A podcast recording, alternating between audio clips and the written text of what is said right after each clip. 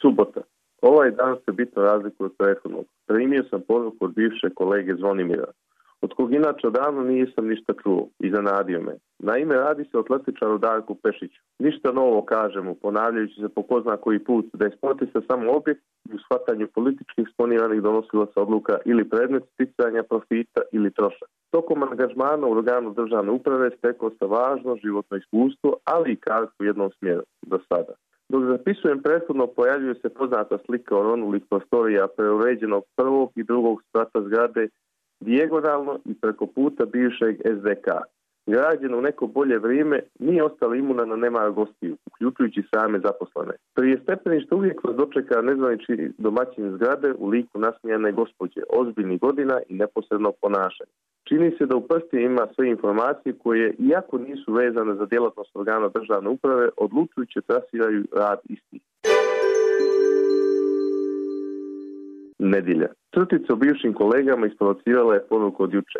Nastavljam. Kadrovska politika je posljednjih 20 godina poprimila obrise šaljivost, posebno u oblasti inostranih dijela. Diplomatska mreža je snažena plagijatorima, kabarahijama, dilerima automobila i lokalnim zabavljačima. Ko se više sjeća Veljka Mićunović? Tako pamtim državnu upravu. Ponedjeljak. Kao i svakog ponedjeljku, jutro počinje listanjem regionalne štampe. Iako je važno demistifikovati nakaradni sistem, ružno je gledati jer mediji izgleda ne znaju stati snimak fotografiji tadašnjeg gradonačnika Podgorice u ulozi svečarskog kurira. Odlučio se ipak da korisnije proveden dan je uskoro putem za Utrecht. Dogovor je da na Fakultetu za dobru upravu Univerziteta Utrecht održim par predavanja o pravnim i političkim aspektima uređenja sporta sa osvrtom na obavezujući standarde instrumente međunarodnih multilateralnih autoriteta. Duga je noć predanom. Trebalo je pred put završiti i poslati godišnji izvještaj o radu akademije na pasoškoj kontroli i zanadio me službenik sa znanjem jugoslovenskog jezika. Uvijek govorim jugoslovenski kako crnogorski, bosanski, hrvatski, srpski. Nisu ništa više sem politikanskog hir, jer pitanje jezika ne dovodi u pitanje nacionalnu, etničku, vjersku specifičnost ili pripadnost. Inače, u administrativnoj upotrebi u Švedskoj su svi navedeni osim crnogorskog, da je vječan. Utorak. Bitna crtica. Od nedavno živim u Švedskoj. Glavni grad Kraljevine Švedske, Stockholm, čini arhipelag ostrava, tačnije njih 14 funkcionalno povezanih cjelina. Sa blizu milijuna stanovnika gradsko jezgro i društveno-ekonomskom potetnošću uvijek je među desetak svjetskih destinacija po životnom standardu, kvalitetu vazduha i vode. Izgleda da klimatske promjene ipak uzimaju maha, pa zima nije više što je bilo. Šveđani nigdje ne žure. To je najviše primjetno u poslu. Ostao mi je razgovor sa Rikardom Bogartom. Kao i većina šveđana, posljednje godina Rikard radi dva posla. Filski producent sa pozornačnim iskustvom u tenisu. Pitao me šta mislim o Švedskoj, poslu generalno način života. U neodređenom maniru ukazao se na prednosti, zanemarajući nedostatnost. Dosta toga se promijenilo, srdito je primijetio Rikard. U školi nastavnik nije više autoritet, djeca su bez kontrole, kultura je zapostavljena, a imigranata je sve više. Nije sam se uključivao, ali me odmah upitao imigrantskoj politici Crne Gore. Rekao da se nema tu Bog zna šta reći. Sem da smo na zemlje i djeluje mi da izmrcvareni gosti žele što prije napustiti prostor, niđe nebo nije plavo. Srijeda. Tih dana sam imao vanredno zanimljiv susret sa glavom prve porodice, kako on sebe ponosno naziva, koja je emigrirala iz Sirije sredinom 70. godina prošlog vijeka. Po manijeru i stilu rekao bi da se radi o prilično imućnom sagovorniku lokalnih karakteristika, bitno odudarajući od ispoljenog tradicionalizma.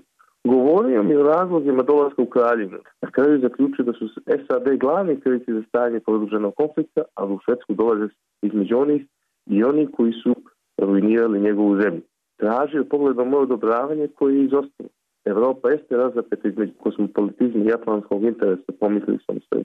I bilo mi pravo da izdajući kada kaže da je zapad umro na istoku.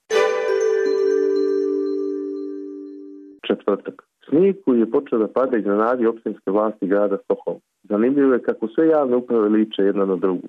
Iste su veoma agilne u pronalaženju argumenta za neispunjavanje radnih zadataka. Ta činjenica izgleda da pretjerano uzbuđuje stanovnike ovog sada već veoma hladnog rada. Negdje je postala rutina da tokom boravka u trećim zemljama razmišljamo kući.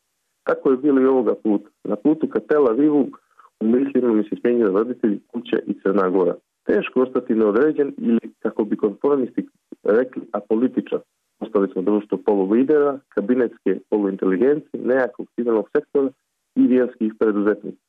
Em što je uvršen koncept socijalne države, s tim u vezi nema više kvalitetnog zdravstva i obrazovanja, unutrašnja bezbjednost je složena, a sva prilika da ni penzija neće biti narednih par decenija.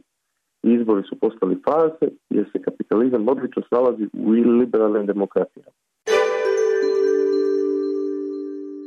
Petak. Šetajući nepredvidljivim lokacijama Jase i na Čedreni Lučki grad nailazi na zidni napis. Piše da je davnih 1740. godine osnovan prvi hostel. Wikipedia na aparatima, rekao bi moj drug Boro iz Brisela. Lijepo vrijeme me je pratilo tokom boravka u Izraelu. Prijatni sagovornici iz Ministarstva kulture i sporta, festival sporta, nasmijani prolaznici i činjenica da se nalaze na veoma malom prostoru za toliko istorije ne uspivaju da mi skrenu pažnju sa Crne Gore. Sjenka prošlosti postaje java budućnosti, a ne prestati boriti se nije. Petak prolazi uz prelazak staze na stihove Bela Ćao. Subota samo što nije. Stranački okvir je postao pjeskobar. Građani skidaju su rokove i spremaju jedno veliko ne parazitskom sistemu. Ujedinjeni ne možemo biti poraženi. Vrijeme je zahtjev svih građana. Oduprih